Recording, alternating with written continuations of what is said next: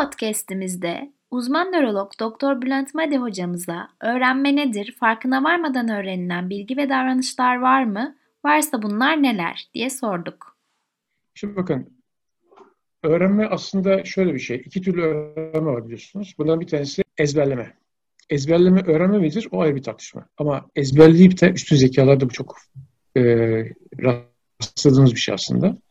Çünkü öğrenme dediğimiz zaman biz maalesef son yıllarda teknolojinin gelişmesi ve online görüşmelerin fazlalaşması, internetin e, her yer artık köylerde girmesinden dolayı bilgi akışı çok hızlandı. O yüzden de bu bilgi akışı hızlanınca ne oluyor? E, kişi e, bizim söylediklerimizi ezberliyor. Bunu son yıllarda üniversitede vermiş olduğum derslerde çok sık görmeye başladım. Ezber konusunu. Çünkü online e, bir e, eğitim yapmak zorunda kaldım bir üniversitede. E, o üniversitedeki arkadaşlar e, muhtemelen e, çek, benim kullandığım slaytı çekmişler.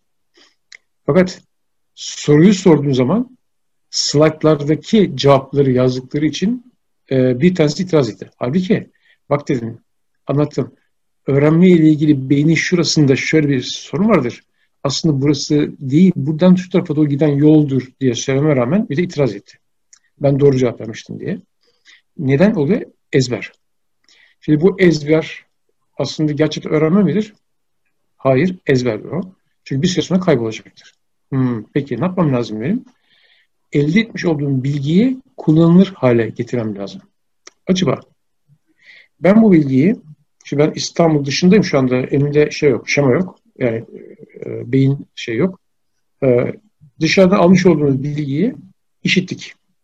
Varsayalım. İşittik buradan. İşittik. Zaten işte bölgesi bu kullanımın bulunduğu yerde. İşittikten sonra sadece işittik. Tamam. Öğretmen söyledi. Eğitimci söyledi. Biri bu.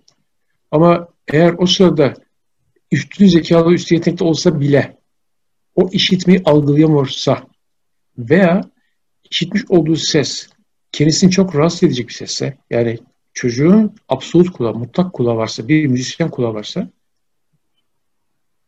beyni kalmayabilir. Görme. İkincisi başımıza tabii. Göz burada, göz merkezi burada. Siz görsel olarak online üzerinden ve hatta işte online yoksa işte öğretmen e, orada ayakta durarak bir şey anlatıyordu, görüyordunuz. Ama çocukta eğer bir dikkat eksikliği söz konusuysa, hiperaktivitesi söz konusuysa, gözü bozuk ise o sırada dalgın ise, uykusuz ise öğrenemeyebilir. Bunlar yoksa bu çocuk onu algılar. Etti iki. Üçüncüsü ve çok önemli olan yer ise dokuma bölgesi. O da beynimizin tam üstündeki ortadaki yer. Bakın ortadaki yer, onun altında işitme olan yer, arkasında görme bölgesi. Dokunma, işitme, görme.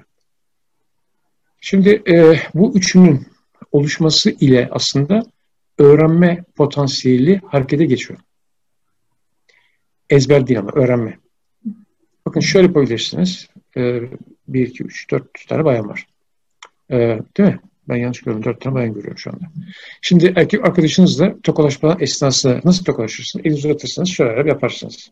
Ama bunun bir çok fazla bir samimiyet yoktur. Biraz sıkarsanız aa samimiyet olarak ve bir arkadaşlık olarak algılarsınız. Bu da yine dokuma bölgesinin derin duyu olarak algılaması ile ilgili bir şey. Aynı zamanda eklemlerle ilgili. Demek ki öğrenmenin çok çeşitleri var. Daha ben fazla karıştırmayacağım şimdi.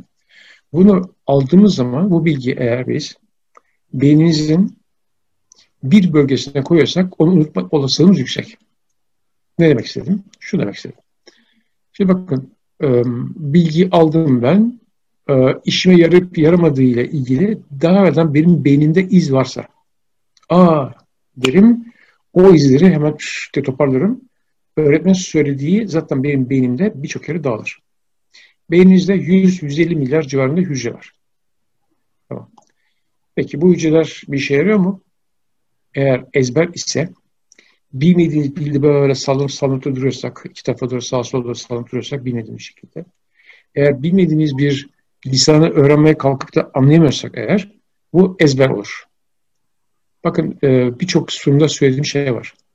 Latince'ye geçmiş olan tıp dili, felsefe dilinde hatta günlük dilinizde bile Anadolu'dan çıkmış olan kelimeler var. Anadolu'dan çıkmış olan kelimeler var. Bizim topraklarına çıkmış, e, batıya gitmiş.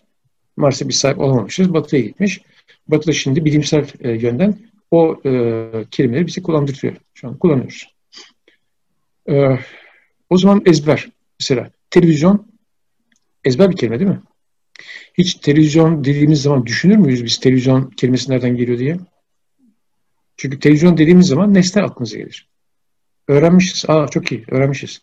Ama tele, uzaktan, vizyon, görmek dediğimiz zaman uzaktan gelen uyarıyı görüyoruz anlamı çıkıyor. Televizyon kelimesinde. O zaman vermiş oluyoruz. Hmm, diyoruz. Demek ki uzaktan gelen bir şey. Uzaktan gelmesi için de benim şöyle şöyle şöyle bir alete ve şöyle şöyle bir yerde durmam, oturmam lazım. Veya tepede antenler vardı eskiden gibi düşün.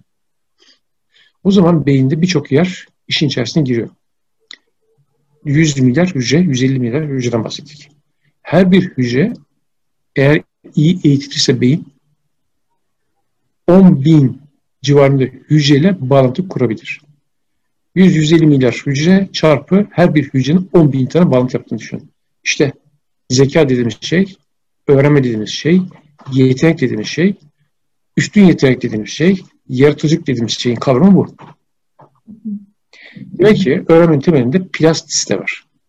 Bunu da ben sanırım 30 sene kadar önce ilk defa Türkiye'de Marmara Üniversitesi'nde eğitim bilimlerinde 30 sene bekliyoruz hala insan işi öğrensin diye bekliş yapıyoruz. Son zamanlarda biraz arttı. Hızlandı nörobilim. Dolayısıyla öğrenme ancak beyinde kalıcı olması için çoklu uyaran şeklinde olması lazım. Ezber değil. Ee, bunun e, sonucunda da davranışlar ortaya çıkar. Herhangi uyaranla karşı karşıya kaldığımızda konuşacak mıyız? Konuşma yeri nerede? Sağ elini kullananlarda hemen hareket bölgesinin altında. Şu, şu bölgede bir yerde. Yoksa bir beden dilini kullanacağız. Yoksa yazacak mıyız? Acaba dışarıdan gelen bir uyaranla beraber acaba bir resim yapacağız? Bir plastik sanatlarla iyi bir şey yapacağız. Veyahut da bir yemek yapacağız? Aldığımız bilgiyi. Bakın bu kadar geniş bir kavram içerisinde öğrenmeyi tarif edebiliriz. Ucu, ucu bucu yok. O da beynin gelişmesiyle ilgili. Beynin gelişmesi ise annenin karnında 3. aydan itibaren başlıyor. 3 yaşa geldiği zaman beynin potansiyeli belli olur. O çocuktan ne köy ne kasaba olacağı aşağı yukarı bellidir. 4 yaşına kadar da bu sürebilir. Ondan sonra da çocuğun tabii zekat testi yapma şansınız yok. Benden daha iyi biliyorsunuz o yaşlarda. Ama çocuğu şöyle karşıdan baktığınızda, izlediğinizde bu çocuğun estetik yönü, bu çocuğun algı yönünü fark edersiniz. Demin şöyle bir cümleye başlamıştım. Ülkemizde öğrenme deyince çok kez akademik öğrenme anlaşılıyor. Bilişsel anlaşılıyor. Bunun duygusal, sosyal yönleri var, hareket yönleri var, estetik yönleri var.